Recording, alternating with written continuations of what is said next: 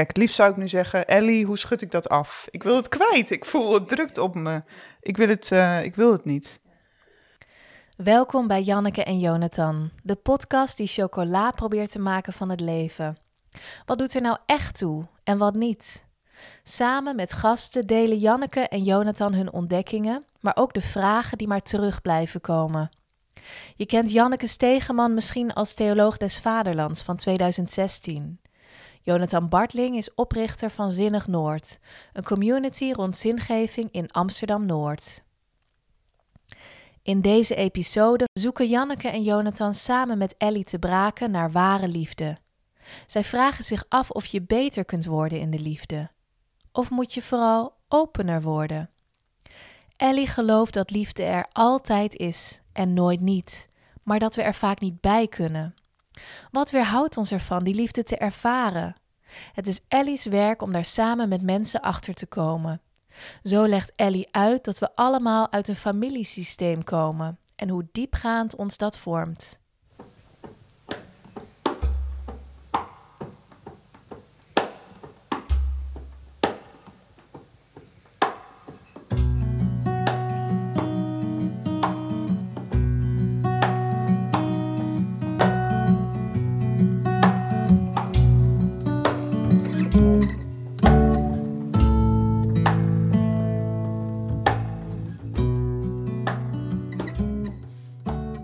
We zitten aan de keukentafel in Bussen bij Ellie. En um, Ellie, hoe is het voor jou dat wij hier uh, binnen zijn gekomen met onze microfoons en vragen? Ik vond de uitnodiging verschrikkelijk leuk, dus ik zei onmiddellijk ja, maar later heb ik er wakker van gelegen. Omdat ik uh, niet iemand ben die, die opinies heeft of dingen beweert. En opeens moest ik iets gaan beweren over de liefde. En ja, what do I know? Behalve dat ik aanneem dat het er is. Ja. En dat iedereen ernaar verlangt. Ja. Maar dat hele gevoel van ik zit hier en er wordt belang gehecht aan wat ik vind, dat ga ik niet doen vandaag. Gelukkig. Dat gaan we jullie samen onderzoeken. Ja. Ja. Nou, ja, wat ik, ik ben heel blij met wat je zegt. Ook omdat ik denk, um, opinies over de liefde zijn niet zo interessant. Maar geleefde ervaring en, en wat we daarover kunnen zeggen. En, uh, en ook de wijsheid die jij denk ik hebt uh, vanuit je werk en wat je daarin aan ontmoetingen hebt gehad en ervaringen. Um, ja, het lijkt me heel mooi als dat ter sprake kan komen. Ja. Toen ik filosofie ging studeren, zocht ik wijsheid. Ja. Wat is, ja, wat is wat wijsheid? Is wijsheid? ja. en heb je het gevonden? Ja. En ik hoop dat het mij vindt. Ja. Al gaande. Ja. Ik ben die studie wel heel snel gestopt, omdat ik uh, heel, heel, heel erg uh, weinig onder de indruk was van het academisch klimaat en heel weinig onder de indruk van waar ze uiteindelijk over hadden. Ja. Dus ik Ja. ben verder gaan zoeken uh, door heel veel te gaan mediteren bijvoorbeeld. Uh, en, en meer van binnen te zoeken dan in externe bronnen van informatie of kennis van anderen. Wat miste je in dat klimaat? Um, dat was heel apart. Want tegen de tijd dat ik het echt interessant begon te vinden, zeiden ze: ja, maar hier houdt ons mandaat op, want dan is het niet meer wetenschappelijk. Nou ja. Dus dan moest toen denk ik, nou, dan ga ik naar theologie. Want dan, dan mag je misschien uh, dan over het grote zijn of over het goddelijke uh, onderzoek doen. En uh, daar kwam ik allemaal jongens tegen uit Friesland die dominee wilden worden. Ja. ja. dat, en die zich heel broederlijk over mij bogen. Ach kind, wil jij nog iets uit het boeddhisme ook nog weten? Zou je dat nou wel doen? Dus ook daar ben ik vertrokken. Um, en, en, eigenlijk was ik al die dingen begonnen om uit te vinden hoe je gelukkig kunt zijn. Want ik was erg ongelukkig. Uh, dus dat, uh, dat zoeken was echt een heel persoonlijke motivatie om te kijken, wat is dat dan geluk? En hoe doe je dat?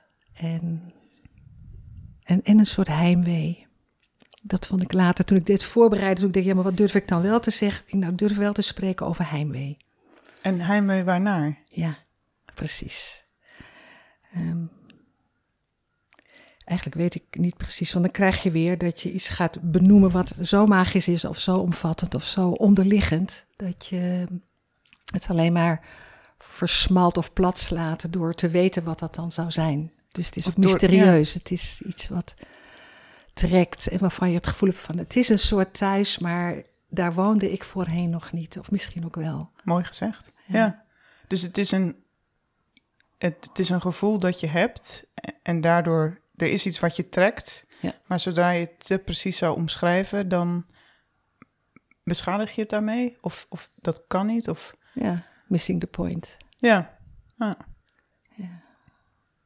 Is het dan ook meer een, een bepaalde gerichtheid of een bepaalde richting dan een specifieke plek of een specifiek doel of een... Toen ik ehm, een jaar of 15 was, toen wilde ik al heel graag de hippies volgen. Maar ik was te jong. En de hippies die waren allemaal op zoek naar India en die hadden mooie jurken aan. En, kijk, en ik zat in een, een katholiek dorp, waar ik dan bijvoorbeeld met de collectebus langs de rijtjeshuizen ging. En me ongelooflijk benauwd voelde door al die omgekeerde poetsdoekmandjes als lampenkappen. En al die jonge moeders met hun jonge kinderen. En ik had de indruk dat ze opgesloten zaten. En dat ik dat vooral niet moest gaan doen. Waar collecteerde je voor? Kankerbestrijding of zo. En toen kwam ik op een landje, eh, eh, een, een soort braakliggend weiland eh, aan de rand van het dorp. eh, Onderweg naar huis kwam ik, er stond een woonwagen en er kwamen hippies uit. Die zien er een beetje uit als jij, Jonathan. en die vond ik zo fascinerend. En die Ja. maakten ch- chocola met geroosterde sesamzaadjes. En die hadden muntthee. En er ging een wereld voor me open toen. Dit is... En zij nodigde jou uit. En ze dacht, kom, binnen. Ik stond er heel schuchter zo'n beetje te kijken. En, en dat was een wereld waar ik de heimwee eh, wakker voelde worden. Wauw. Naar ja. iets wat ik niet kende en waar ik eh, ook niet in een bepaalde mal hoefde te passen. En die, Zo begon het. die schuchterheid, eh, hoort die ook bij jou? Ja, ik zit nu al met hele rode wangen Ja. iets te vertellen, ja. Weet je, ik, kan wel heel goed mensen ondersteunen om hun eigen onderzoek te doen. Als het over mij persoonlijk gaat, vind ik het veel lastiger. Misschien kun je ons in deze aflevering ons ook een klein stukje helpen in ons onderzoek. Daar, Yes. eh, dat we gezamenlijk optrekken. Ja, Dat lijkt me mooi. Ja, leuk. Want jullie titel is eh, een poging om nog iets van het leven te maken. Hè? Dat is een soort van de... Dat is wel een, een leidmotief. Ja. Ja. Een, van de drijfveren, inderdaad. Ja. ja. Dus eh, toen dacht ik, nou, dan is de vraag aan mij misschien... hoe kun je nog iets van de liefde maken? Precies. Ja. Ja, nou ja, in verband daarmee. Ja. ehm, jij hebt misschien van de liefde jouw carrière gemaakt. Klinkt niet fijn, hè? Nee, maar wel. Ik heb, ooit, ik heb ooit een groep gegeven en die noemde ik Find a Friend. En ook als ik dan therapie gaf, dan noemde ik het Rent a Friend. ja. Omdat Ja. dat soort naast iemand staan of afgestemd zijn op iemand, eh, vind ik wel een vorm van liefde. Ja. Ja. Dus dat heb je blijkbaar heel veel vormen en maten. Ja. Jij hebt eh, intussen een, een, een, een lange eh, carrière, loopbaan en natuurlijk ook je eigen levenspad. Zou je zeggen dat je beter kunt worden in de liefde? Ehm, ik, ik merk dat ik er transparanter voor word. Dus ik had al besloten, ik ga geen definitie geven van liefde, want dat is zo ongrijpbaar. Dus ik ga gewoon als werkhypothese in het midden leggen, het is er altijd en nooit niet. En dan merk ik dat mijn werk eruit bestaat, wat weerhoudt je om dat te ervaren? En dan heb je een heleboel verschillende antwoorden en onderzoekssubvragen. Wat weerhoudt je om liefde te ervaren, te leven? En ehm, nou daar kan ik een heleboel verschillende antwoorden op geven. Maar ik merk ook dat als ik met partners werk bijvoorbeeld, dat, eh, jij noemde dat in ons voorgesprek, Jonathan, dat er een verliefde periode is waar alle deuren open lijken te zijn. En dat je dan dacht van nou, en dat is dan het gegeven en, en dan gaat het nog verder. Maar mijn ervaring is dat de deuren ook weer dicht gaan of dat er allerlei dingen dicht slibben, waardoor je minder transparant wordt voor elkaar, maar ook voor de stroom van liefde die je hoopte dat er zou, zou kunnen zijn. En dan is het eh, de vraag, wat is er in de weg komen te zitten? En dat is niet eens zozeer onderling, want heel vaak zit er ook veel in de weg om samen te vallen met jezelf. Hm. En om jezelf te ervaren als eh, eh, gevolg van of als uitdrukking van liefde. Ja. Ik hoef maar bij mezelf te kijken, er zit vaak zoveel zelfkritiek. Bijvoorbeeld de twijfel over eh, of ik hier überhaupt over zou mogen spreken. Wie ben ik om hierover te spreken? Daar zit ook heel veel onderliggend. eh, ehm, een soort ingeprente minderwaardigheid. Door de mand vallen. Mhm. ja. Ja. ja, herkenbaar. Ja, ja. vertel eens. Vertel hoe je het herkent. Eh, nou ja, wat, wat ik bijvoorbeeld doe, is eh, voorgaan in kerkdiensten. Ja. Eh, dus dat is vormgeven aan een ritueel ehm, waarin ik hoop dat mensen ook in zekere zin samenvallen met zichzelf in die dienst. Of dat, dat er ruimte is voor, voor alles wat mensen meemaken. En soms voelt dat als, ehm, denk ik, oh wat prachtig dat ik dit mag doen. En soms denk ik, eh, en dan vooral als ik een preek aan het schrijven ben, denk ik, oh, ik heb helemaal niks te zeggen. En ik weet nog dat ik aan het begin, eh, toen ik net voorging, dat ik na, als ik dan klaar was met de preek, dat ik me het liefst zou verstoppen. Weet je, dat ik, je hebt altijd zo'n liturgische tafel. En dacht ik, ik ga het liefst nu onder die tafel zitten. Dat niemand mij meer kan zien. Want ik heb het helemaal verknald. Ik ben het niet waard. Ik, Hm. weet je, ik, ik ben het niet waard om dit te doen. Zo'n Ja. soort eh, gevoel. Ja. Interessant. Ja. Want je doet het wel, maar je voelt het alsof je het kunt verknallen of als je het mand ja, valt. Je bent het niet waard. Ja, ja. terwijl ik tegelijkertijd, als ik het doe, het kan me juist ook een ervaring geven van eh, samenvallen met mezelf, wat jij zegt. Eh,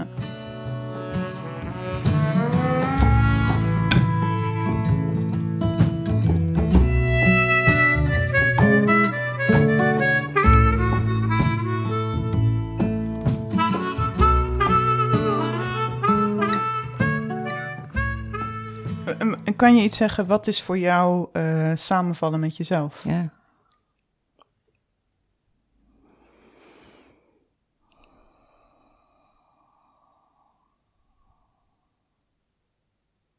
Wat ik merk dat ik nu doe, is eerst maar eens even diep ademen. En wat meer in mijn lichaam komen, want dit is ook spannend. We begonnen eigenlijk over hoe spannend dit eigenlijk is. En van die microfoons voor ons hoofd. En ehm, ik weet niet wie hiernaar gaat luisteren. Dus het is belangrijk dat ik binding houd met jullie en ook binding houd met mijn eigen lichaam. Want anders ga ik misschien wel mooie dingen zeggen waarvan ik denk, ja, maar ik was er niet in, het, het rammelt een beetje. Dus het samenvallen met mezelf is nu al een oefening Ja. Mhm. om eh, ook belichaamd te blijven. Mhm. En ehm, toen ik vannacht wakker lag over, lag over wat ga ik dan toch vertellen? Wie ben ik? En wat weet ik nou helemaal? Toen merkte ik wel dat ik mijn hart opzocht, echt mijn feitelijk fysieke hart. hart eh, en me afvroeg of ik niet van daaruit iets wist wat ik niet had bedacht. Ehm, of altijd wel iets weet wat ik niet bedenk. Dus ik maak blijkbaar al onderscheid tussen een ander soort weten dan wat je bedenkt in concepten. Dus ik merk dat concepten heel vaak, eh, net zoals het woord zelfliefde of het woord God of het woord liefde zelfs, ehm, een, ehm, een filter leggen tussen de directe ervaring Ja. en, en het, het beeld wat je ervan hebt, wat opgebouwd is uit allerlei concepten en ervaringen van vroeger. Dus als je zegt samenvallen met jezelf, is het waarschijnlijk ook samenvallen met de ervaring van dit moment. En omdat ik het eng vind, kijk ik dan naar jullie ogen en dan zie ik de verbinding tussen ons. En denk oh ja, oké. Dus dat was nog iets wat Ja, ik wilde noemen. ja. Het is de, de, de relatie tussen liefde en angst. Of als je zegt, nou wat is nou, als liefde er altijd is, wat is dan het tegenovergestelde van liefde? Want ik zie geen wereld vol liefde, ik zie een wereld vol heel veel lijden. En, en stommigheid en eh, vernietiging. En, dus wat, wat is dan, eh, als het altijd liefde zou zijn, hè, als werkhypothese, wat is dan het tegenovergestelde van liefde? Is het dan haat, is het dan vernietiging of is het angst? En in mij is het heel vaak angst. En als ik bang ben, dan schiet ik omhoog of ik verkramp een Mhm. beetje. En dan word ik minder toegankelijk.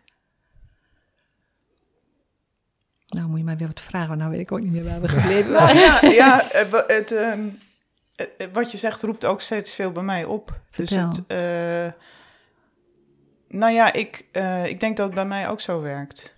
Ehm, dus angst, ik ben sowieso een angstig, ik ben angstiger dan gemiddeld. Eh, althans, ik heb wel eens eh, bij een eh, psycholoog van die testjes gedaan en dan scoorde ik op angst altijd heel hoog. Ook als ik het idee had dat ik helemaal niet zo angstig was.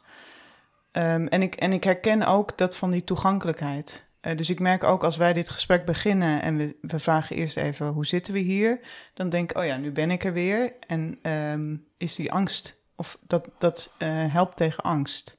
En dan voel ik ook meer verbinding. Hebben we het over de relatie tussen verbinding en liefde ook? Ja, En dat angst eigenlijk eh, een, een modus is of een staat van zijn die verbinding wat blokkeert. Of wat meer Ja. een, een filter opzet van angstig kijken, checken of het wel oké is. ja dus angst eh, is ook een soort eiland. Ja. waar, je dan, eh, waar ik dan me op terugtrek. Of niet zozeer, het is niet iets wat ik actief doe, maar meer opeens zit ik op een eiland. Hm. Ja.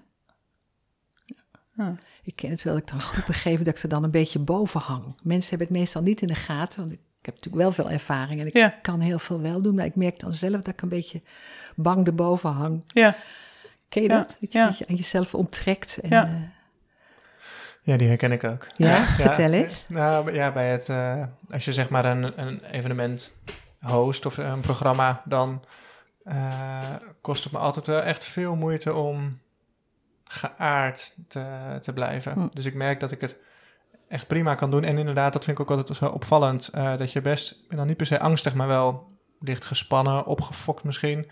Maar dat mensen dat niet per se merken. Dus op een of andere manier eh, ja, kun je dat wel of mensen zijn er niet gevoelig genoeg voor, of je weet het goed te maskeren. Ehm, maar dat je, nou soms bij onze evenementen bij Zinnig Noord, dan vindt er bijvoorbeeld een meditatieoefening tussendoor plaats. En dan, nou, dan merk je pas hoe, ja, hoe ver je bij jezelf vandaan kan zijn. Ja. Eh, vaak lukt het ook helemaal niet bij zo'n meditatieoefening om er goed in te komen. Dus zoals jij dat nu duidt, van erboven hangen en eh, ja, dat herken ik inderdaad ook wel erg duidelijk. En dat maakt achteraf, ook al weet je dat je gewoon eh, een goed programma hebt gedraaid. Zo voelt het dan soms ook een beetje alsof je Ja. het gedraaid hebt. Zo van Ja. ik weet dat het een goed resultaat is. Ja. Ehm, maar inderdaad, ik was niet helemaal in het moment. Soms Hm. kan ik me achteraf, dan kun je ook niet helemaal meer terughalen van wat heb ik nou precies ook alweer allemaal gezegd. Of je bent juist heel bewust van alle afvinklijstjes, eh, hè, gewoon in je hoofd van oké, Ja. dit heb ik wel gezegd, Ja. dit heb ik wel, daar ging ik even de mist in, maar dat heb ik wel weer goed opgevangen, zus en zo. Eh, maar goed, het is dan inderdaad in je hoofd. Dus maken we nou onderscheid, Jonathan, tussen eh, iets van binnenuit zich laten ontvouwen of zich laten spreken en of daar een idee over hebben en dat dan uitvoeren. Ja, ik, ik zou me kunnen voorstellen, hè, wat jij ook zei, je door de wijsheid laten vinden, dat je je ook door de liefde kan laten vinden. Hm. En dat er een soort ontvankelijkheid eh, bij hoort. Ja, een staat van zijn, openheid. Ehm, en gedachten kunnen die ontvankelijkheid heel erg makkelijk in de weg zetten. Of je ja, gewoon ergens een richting op, eh, opsturen. Ontvankelijkheid en dichte samenvallen met jezelf of van binnenuit je laten vinden. Dat zijn allemaal woorden die met vertrouwen te maken hebben, lijkt het. Ja, ja, En het andere, angst heeft niet zoveel vertrouwen. Die moet het allemaal wel een beetje in de gaten houden, zoals je ook beschrijft, dat je monitort ja, hoe je je programma best heel goed afdraait. ja precies. Ja, ja, ja. En hoe is dat dan bij jou gegaan, Ellie? Want je zei, eh, je begon... Het was ook een zoektocht naar geluk, Ja. eh, waar je mee begon. Ja. Is, dan, is dan bijvoorbeeld bij jou de angst minder geworden... en is er daardoor meer... eh, stroomt die liefde meer? Of wat is er met jou gebeurd? ja. Of is er aan het gebeuren? Ja, al gaande steeds vallen en opstaan. Ik, ik kan niet zeggen dat het minder is geworden. Ik had ook gehoopt dat ik dan een beter mens zou zijn, of een wijzer iemand, of misschien zelfs wel verlicht of zo. Ik hoop dat ook steeds van mezelf, dat dat nog gaat gebeuren. Ja, hè? Dus dat we, we hebben het woord verbeterproject Ja. ook genoemd in ons voor, voorgesprek. eh. Ehm. nou ja, nee, ik, ik vind niet dat, ik, eh, dat dat is gebeurd. Men zou mij zelfs wel egoïstischer kunnen vinden. Want lange tijd was ik heel erg afgestemd op anderen. Heel erg een pleaser ook. En heel goed gevoelig voor wat anderen nodig hadden. Ehm, en toen ging ik door een periode van meer dan tien jaar, misschien wel bijna twintig, vijftien, eh, van grote uitputting. Dus ik moest gewoon afhaken op van alles. Ik zag Ja. allemaal vrienden een enorme vlucht nemen in hun carrières en in hun internationale eh, eh, groepen die ze gaven. En ik zat gewoon heel klein hier thuis eh, een soort breiwerkje te doen. En ik denk dat gewoon te, ehm, te erkennen dat mijn armslag niet zo groot is. En dat ik al gaande moest uitvinden wie ik ben. Ik had natuurlijk wel allerlei ideeën over groot zijn, meeslepend en zeer nobel. En, en dat soort dingen, maar dat blijkt allemaal niet waar te zijn. En was het dan frustrerend en eenzaam dat je hier thuis zat? Of, of was dat ook goed? Beide. Ja, grote delen was het gewoon goed. Net zoals wanneer je heel moe bent, dan wil je vooral slapen. En Ja. Dan kun je helemaal niet verzinnen dat je in een vliegtuig zou stappen. Dus dat was ook gewoon maar eh, aanvaarden wat zich aandient. Ja. En, en bijstellen wat je dacht dat je was. Dat vind ik een heel interessant proces. Dat je altijd weer bijstelt dat je helemaal niet bent wat je dacht dat je zou worden. Of wat je zou willen of moeten zijn. Alleen maar dit, dit is het. En dat is eh, vaak met mijn hoofd buigen en ook vaak met lege handen zitten. Dus ik liet je net zien hoe ik graag op de grond zit, zo hier voor de eh, buitenraam. Heel laag bij de grond moest ik dan ook echt zitten. En heel gewoon zijn. Gewoon alleen maar dit. Wat, het, wat er dan wel was. Dus ik, ben mijn werk blijven doen, maar met kleine groepen. En dan zag ik anderen opeens kerkjes vol trekken met grote, meeslepende webinars en zo. dan was ik wel eens heel erg afgunstig. Eh, maar altijd was er weer, dit is mijn maat, blijkbaar. Dus, dus dat vind ik ook bijzonder aan het proces, dat je jezelf al gaande eh, leert kennen. ja. En de gebruiksaanwijzing die erbij hoort. Wat was dan die vermoeidheid? Ja. Ik weet het niet zo goed. Dus je kunt het burnt-out noemen, dat was misschien aan de orde. ehm. Ik, ik, ik verklaarde het vaak als mensen vroegen: waarom komt Ellie toch nooit mee naar een optreden van Peter?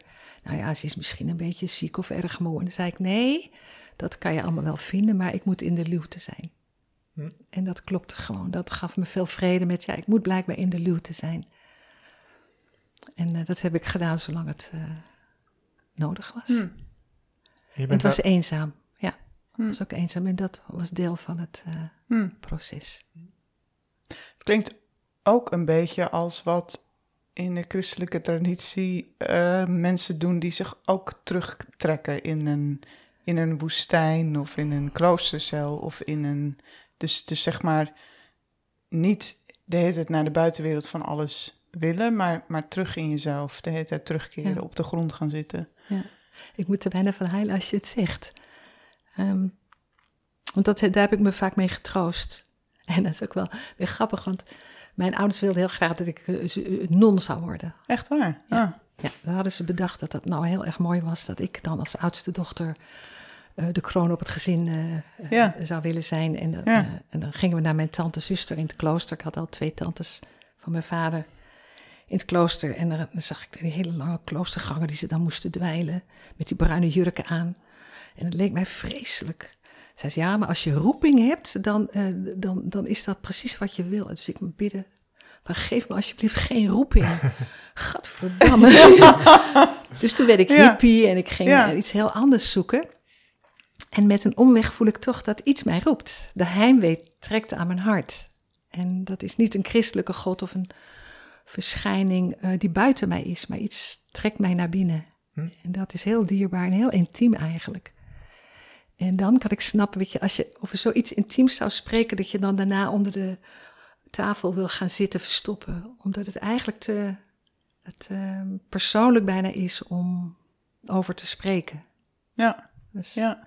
dus dan zal ik Ja. waarschijnlijk ook straks hebben dat ik denk, oh, nu ga ik onder de tafel zitten. ja. Ja, Ja. Nee, het ontroert mij ook inderdaad. Hm. Ja. Wat ontroert jou daaraan? Ehm, dat, eh, dat ik herken eh, dat het zo intiem is. Eh, wat, ik, wat ik ook probeer te doen in mijn werk. En tegelijkertijd dat ik... Ik heb ook een behoefte om op een, een sinaasappelkistje te staan. En dat iedereen... Dat ik graag gehoord wil worden. Of dat ik ook denk, ik heb iets te zeggen. En dat ik soms ook wel teleurgesteld ben. Ehm, of ja, ik heb ook wel een beetje zo'n Calimero-gevoel kan ik hebben.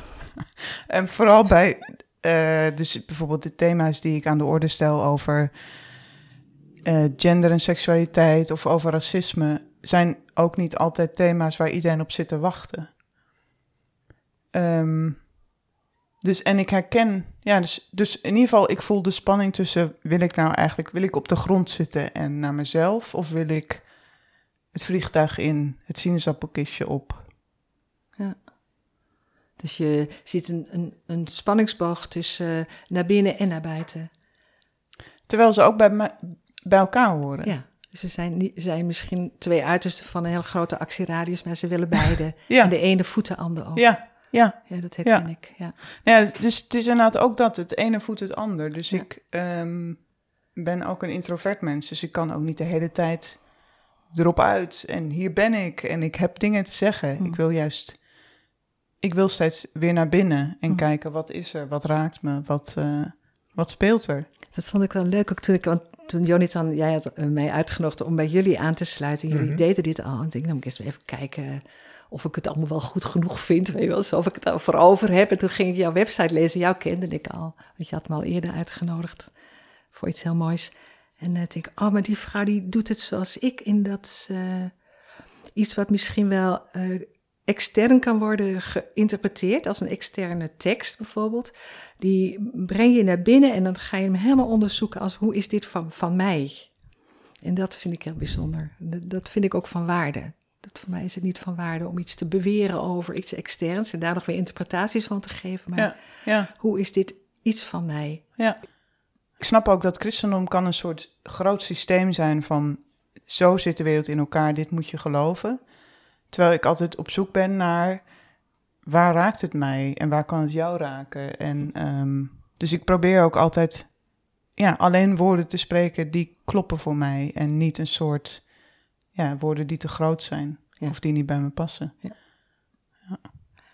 Ellie, is er iets eh, wat jij, waarvan jij zou zeggen, ehm, dat neem ik nu in mijn werk mee van al die jaren dat ik hier op de grond de tuin in heb gekeken? Zeker. Mijzelf. Ja. Ja. Kun je daar iets over vertellen? Eh, wat ik een heel belangrijk aspect vind van mijn werk is dat ik een, ja, een afstemming kan voelen met waar het in mijn studenten of cliënten eh, waar ze zitten. Dus een, in een, ik heb niet meteen de vertaling, maar het heet dus resonant connection. Ja. En daar, als, waar ik dat vind, dan kan ik voelen, oh ja, nu, nu, zijn we waar we moeten onderzoeken. Niet de verhalen eromheen, maar iets wezenlijks wat onderliggend is in de problematiek van die persoon. En dat kan iets zijn uit het familiesysteem of iets wat heel diep in de persoonlijkheid als een blokkade daar zit of als een fixatie. Of wat intussen een partners bijvoorbeeld als een verwijdering werkt. En hoe. ehm,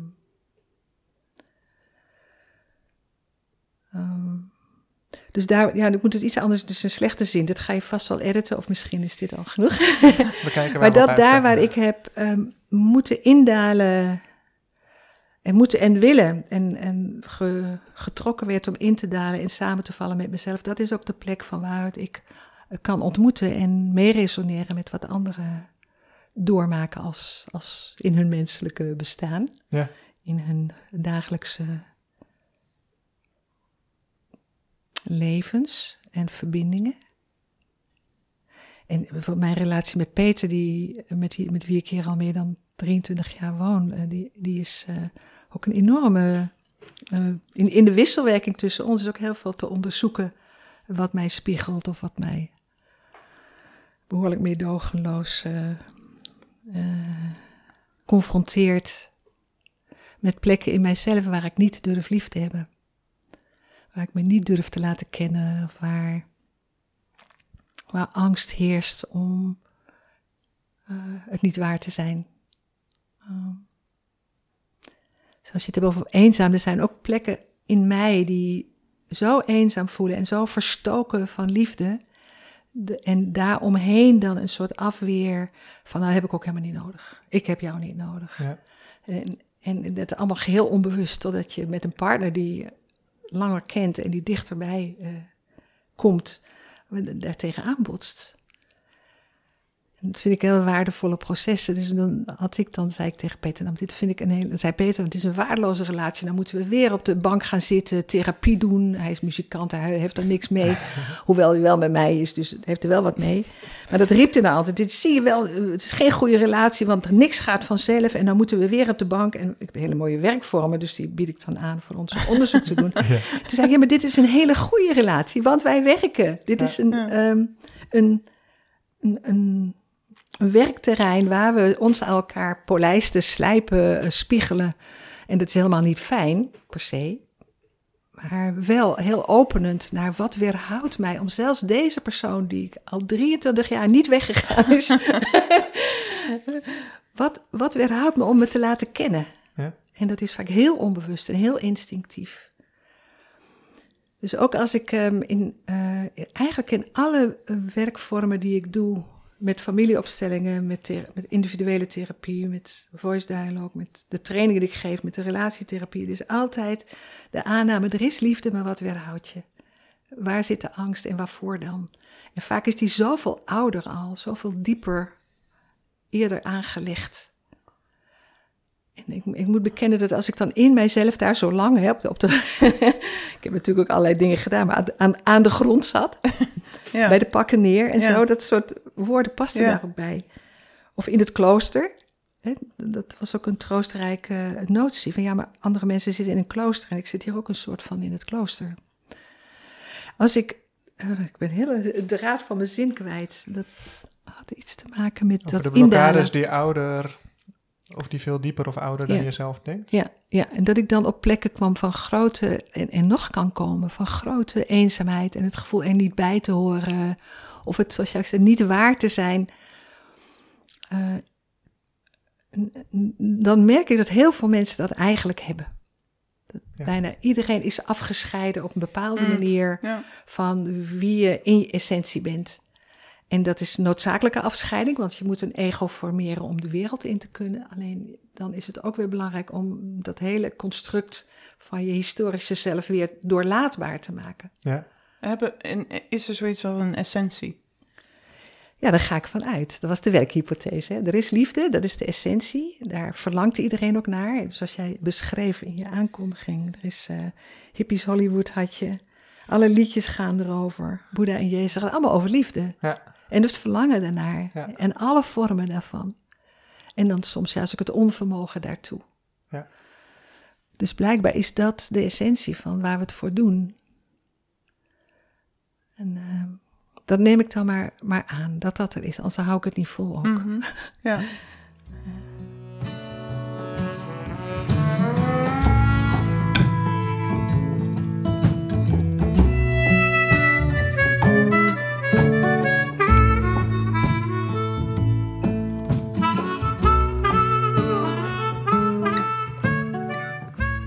zie ik ook heel vaak met mensen zeggen... nou, ik ben nu toch al 50 of 60 of 70... en moet ik nou nog met mijn ouders in de weer? ja, dat denk ik. Ja, Ja, dat denk je herken dat ik ook? heel erg. Oh ja, vertel. Nou ja, ik vind het ongelooflijk irritant dat je inderdaad... Dus je hebt thema's, die blijf je met je meedragen. Dus het is inderdaad niet accepteren, nou, dan laat ik het achter me. Ja. Maar het is meer accepteren als iets wat bij me hoort. Ah. En waar ik dus, eh, ja, wat bij me blijft horen. Dus in die zin, eh, dus ik vind dat thema heel spannend van, is het nou, verandert er nou iets? Word je er nou beter in? Of is het misschien meer zo dat ik sneller herken, oh ja, maar dit is natuurlijk ook een thema van mij. Hm. Eh, en dat blijft dus zo. En blijft het thema dan op dezelfde manier een deel van jou? Of is het doordat het voortdurend weer, ach ja, zo ben ik, dat het daar ook weer meer geïntegreerd raakt of zo? Ja, ja. Nou ja, het is ook. Er doen zich natuurlijk ook weer nieuwe situaties voor in je Ja, leven. ja. Ehm, waardoor thema's ook weer anders worden. Eh, dus bijvoorbeeld een thema van mij is dat ik eh, conflict heel interessant vind en driftig ben. Ehm, en nu ik bijvoorbeeld, nu ik een relatie heb met Dirk, is dat veel minder, komt dat in die relatie veel minder aan de orde, omdat hij dat niet zo bij me oproept. Hm. Hij roept een hele milde kant bij me op. Maar ondertussen, dat thema is er natuurlijk nog wel. En daar zit ook een soort eh, ge- ja, gekrenktheid bij mij of gekwetstheid, omdat mijn ouders het moeilijk vonden om daarmee om te gaan. Dus dat, eh, dus nu ik zelf moeder ben, is dat wel. ehm, dus ik ben bijvoorbeeld bang dat ik driftig ben ten opzichte van mijn kind. Hm. Maar het is nu niet heel acuut. Dus ik zou misschien kunnen denken, nou, dat heb ik overwonnen. Tot het weer een keer de kop ja, opsteekt. precies. Ja, Ja, ja, dus je kunt altijd weer getriggerd worden in iets wat gevoelig ligt of wat Ja. een oudere geschiedenis heeft. ja, Eh, hier wil ik wel wat aansluiten op dat je beschrijft hoe iets al vanuit je kindtijd een karaktereigenschap is. ja. Of een reactie op de omstandigheden. En hoe je ouders daar niet veel ruimte voor hadden. En misschien was de opvoedingsstijl ook zo dat je dat vooral moest indammen of zo. Ja. En als je, als je nou een jongen was geweest, Ik wilde altijd een jongen zijn. want Dan had ik veel meer ruimte. ja, ik wil ook een ja. jongen zijn. Ja. Ja, En hoe was het dan geweest met drift? ja, ja dat weet ik niet. Wat ook sp- meespeelde, mijn vader is heel driftig. En mijn moeder was ook dan bang dat ik heel erg op hem zou lijken. Hm. Eh, en dat, eh, dat ik niet goed raad zou weten met die drift. Hm. Dus, dat, dus ik ben ook altijd heel bang geweest voor mijn eigen driftigheid. Ja. Omdat ik dacht, dat neemt me over. En dan, dan vervreemd ik iedereen van, van mij. Ja. ja. Dus ik weet niet, ja, ik heb een broer, maar die is niet driftig. Dus ik heb geen, en ik ben, dus ik ben van de kinderen de enige die zo driftig is. Dus ik heb geen eh, vergelijkingsmateriaal. Ja. Soms Ja. zijn er voor andere meisjes hele andere socialisatie eh, gebruiksaanwijzingen dan voor jongens. Dus daarom Ja. vroeg ik het. hè, Ja, of drift ik, jou ja. als meisje minder toegestaan zou zijn. Maar je hebt het. Het is een, een temperament in jou, wat lijkt op wat je vader heeft. Dus je brengt het eigenlijk al in de lijn met het systeem. Ja, En en het zou ook groter kunnen zijn dan jezelf. Het kan dat er ook een drift is om iets wat helemaal niet van jou is. Hè, dat moet ik dan misschien anders uitleggen. Als je met familiesystemen werkt, ehm, dan overweeg je dat een persoon. eh nou ja, dan moet ik iets anders beginnen. Dus als je geboren wordt, kom je in een gezin terecht. Jullie hebben allebei kinderen, die komen bij jullie terecht. Ja. En niemand anders had de ouders van deze kinderen kunnen zijn. Gewoon niet. ja, En jullie brengen allebei, de beide ouders, brengen in hun partnerschappen ook hun eigen families mee. Dus jij bent zeer sterk gevormd door jouw familie. Jij bent heel sterk gevormd door jouw familie. En jouw man brengt het zijne mee, jouw vrouw brengt het hare mee. Ja. En dat vormt samen een systeem. Dus je bent niet met z'n tweeën, je bent meteen al met een paar woongroepen, zeg maar. Ja. Dan heb je allerlei dingen die zijn gebeurd toen je geboren werd, voordat je geboren werd. Dat vormt je, dat is een Mhm. soort mal ja, waarin je wordt gevormd. Dus je kunt in het begin wel dat hele open wezentje zijn, maar in je eerste levensjaar heb je al een kilo hersenen erbij die geënt zijn op wat er in dat jaar is gebeurd. Dat vormt neurologische paden die jou informeren over blijkbaar is het leven zo. En dat is geënt op dat eerste levensjaar. Dus ook al word je 70, ja. ook al ben je zoals jij nu 35 of 40, Eh, 39. Ja. Ja. dan, dan nog zijn die eerste imprints, die eerste groeven in jouw neurologische paden, die zijn zo primair dat je je daarnaar gevormd hebt. Ja. En zo'n beetje rond je vijfde, zesde jaar is jouw persoonlijkheid gebaseerd op wat je in het gezin van herkomst aantreft, is min of meer af. Super ego eroverheen, die zorgt dat je een beetje in die mal blijft. En dan stap je daarmee het leven in. Alleen je komt niet in een eh, onbeschreven familie. Je vader brengt dingen mee, je moeder heeft allerlei dingen meegemaakt. En dingen die te, ervaringen en personen die te moeilijk zijn om te integreren in een familiesysteem, die worden in het familieonbewuste geparkeerd, verdrongen. Eh, alleen het familiesysteem is een veel groter veld. Je kunt zeggen, nou, die persoon is nu dood, gras, er- hoe heet het, zand erover. Uiteindelijk gras. Eigen gras erover. Dus daar hebben we verder niks mee. Of de oorlog is al zo lang geleden, de- Ja. de- de- hou toch eens over op. Ja. Want dingen die in het familieonbewuste nog onverwerkt zijn, die worden doorgegeven. Dat noemen ze meergenerationeel trauma. Ja. Dus ieder ehm, familieveld heeft al die ingrediënten in zich van dat wat niet verwerkt was, wat verstoten werd, wat er niet bij mocht horen, wat moeilijk was of te verdrietig. Maar we gaan door. Ik wil, mag ik iets inbrengen daarover? ja. Dus een van mijn eh, rollen in deze podcast is dat ik altijd een bijbelblokje Oh, eh, is dit inbreng. tijd voor het blokje? Nou ja, nou, niet, het wordt in ieder geval iets over de Bijbel.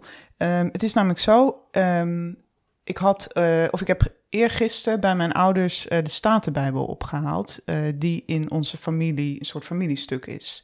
En die, die had ik ergens anders voor nodig. Dus ik ging naar mijn ouders, gigantische Bijbel, het ding is hartstikke zwaar, haalde ik op. Eh, mijn vader had het in een vuilniszak eh, gestopt, zodat het veilig bij mij thuis zou komen. En ehm, ik haalde het ding uit de auto en ik eh, tilde het het huis in. En ik haalde hem uit die vuilniszak en ik dacht, en ik, ik voelde me 20 kilo zwaarder.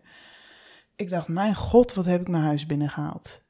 En, eh, en, en het is de, de Bijbel die eh, uit eh, de familie komt van de moeder van mijn moeder. En in die familie is heel veel depressie. En de moeder van mijn moeder, ontzettend lieve vrouw, eigenlijk een te lieve vrouw, ook heel erg depressief. Lange periodes in haar leven. En, en die Bijbel speelde daar ook een rol in. Dus zij voelde zich altijd schuldig ten opzichte van God. En het was net alsof die hele, dat zware pakket, alsof dat me verpletterde. Ja. En, ehm, en wat ik net noemde, die, die drift voor mij. Ik heb ook altijd het gevoel, ehm, als ik me somber voel of te neergeslagen, dan is er heel vaak iets waar ik eigenlijk boos over ben. Of wat mij eigenlijk, wat mij verplettert, zeg maar. En waar ik, Hmm. wat, dat ik even weer bij mezelf moet komen en denken van, oh ja, maar dit ben ik. En, en iets neemt nu, ja, iets verdrinkt mij nu, zeg maar. Dus er is een relatie tussen de drift die je eigenlijk het tegenwicht biedt op het, verpletterd raken. Ja, of het is ook, het is, ja, het is ook temperament en levensenergie. Ja. Dus het is een hele vitale energie tegenover een energie die je bijna leeg trekt. Ja, ja, En je beschrijft in een heel. eh, en ik merk ook aan hoe je het vertelt dat je daar echt een resonant connection mee hebt. Ja. Dit is heel direct gevoeld als van jou. Ja, Terwijl je het als Bijbel en als verhaal van jouw grootmoeder het huis inbracht, voel je het ook als van jou. Nou ja, het is natuurlijk ook, ik ben bijbelwetenschapper notabene. Ja. Dus ik heb met die verhalen, dat is mijn werk geworden. Ja. Het werken met die verhalen, Ja. kijken waar resoneert het met mij. Ja. Maar ook hoe zijn die verhalen gebruikt. Dus het is Ook ook, een om- interessante beroepskeuze. Ja, Maar je zult Ja. wel wat meer Bijbels het huis in en uit gesleept hebben. Maar deze, die doet dit. Ja, Deze brengt het familiegewicht mee. ja, En dat is een Ja. heel, heel erg mooi voorbeeld van hoe een, een familieziel, een familie-energieveld, eh, bepaalde eh, eh, krachten doorwerken naar volgende generaties. ja. Nou, en ook, ons thema is nu natuurlijk de liefde. Die Bijbel is ook een enorme blokkade v- van liefde, denk ik. Dus in ieder geval in het leven van mijn oma, dus die zich zo niet geliefd voelde. Dus door God, maar je kan ook zeggen door die hele christelijke traditie, omdat daar zoveel oordeel in zit, denk ik. Ja. Dus dan zijn we misschien ook terug bij dat begin van, ja, wat, wat zijn nou de blokkades tussen jou en die liefde? Jij zegt dat de directe liefde en jezelf ervaren als goddelijk en al bij voorbaat goed. Nou, ja, stel je voor. Per ja. definitie eigenlijk. Eh, eh, Wat een verschil dat is met de hele impact van een christelijke, zware christelijke impact, die juist met veel schuld Ja, gepaard gaat. ja, En haar eigenlijk naar, haar vitaliteit naar binnen slaat als depressie. ja, En jij hebt dan het tegenwicht van woede. ja, ja. En je voelt ook met haar mee.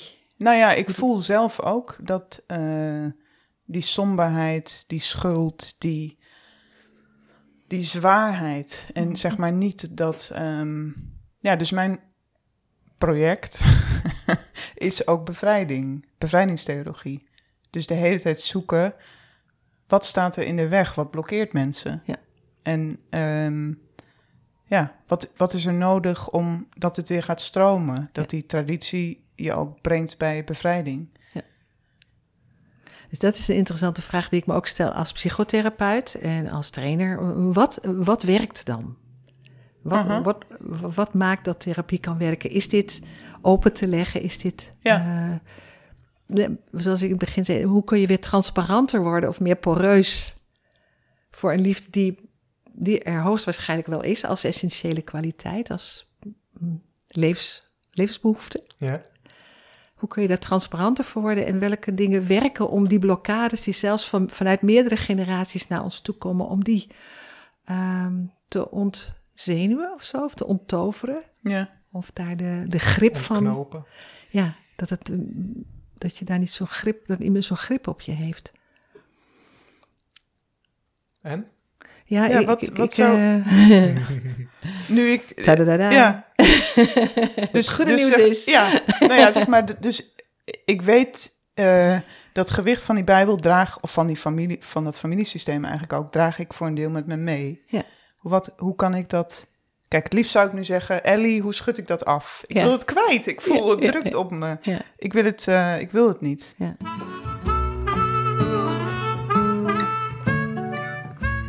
Leuk dat je luisterde naar het eerste deel van het gesprek met Ellie ter Brake. Het is nog niet afgelopen. In het tweede deel verdiept het gesprek zich verder, maar wordt het ook concreter. Wat is een gezond ego? Hoe kun je diepere verbindingen met andere mensen ervaren? En hoe oefen je dat? Ellie beschrijft een oefening in communicatie die partners helpt om aansluiting te vinden. Jonathan legt uit hoe deze oefening hem verder hielp in zijn relatie. Janneke vertelt over de middeleeuwse mystica Hadewig, die totaal versmelt met Jezus op het erotische af. Spannend, zou zij zichzelf daarin herkennen? Luister vooral verder naar deel 2 van Janneke en Jonathan zoeken ware liefde met Ellie ter Brake.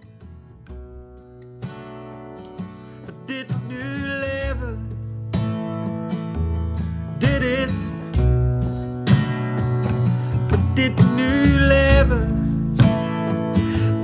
Dit is leven. Dit is nu leven. Dit is leven. Dit is leven.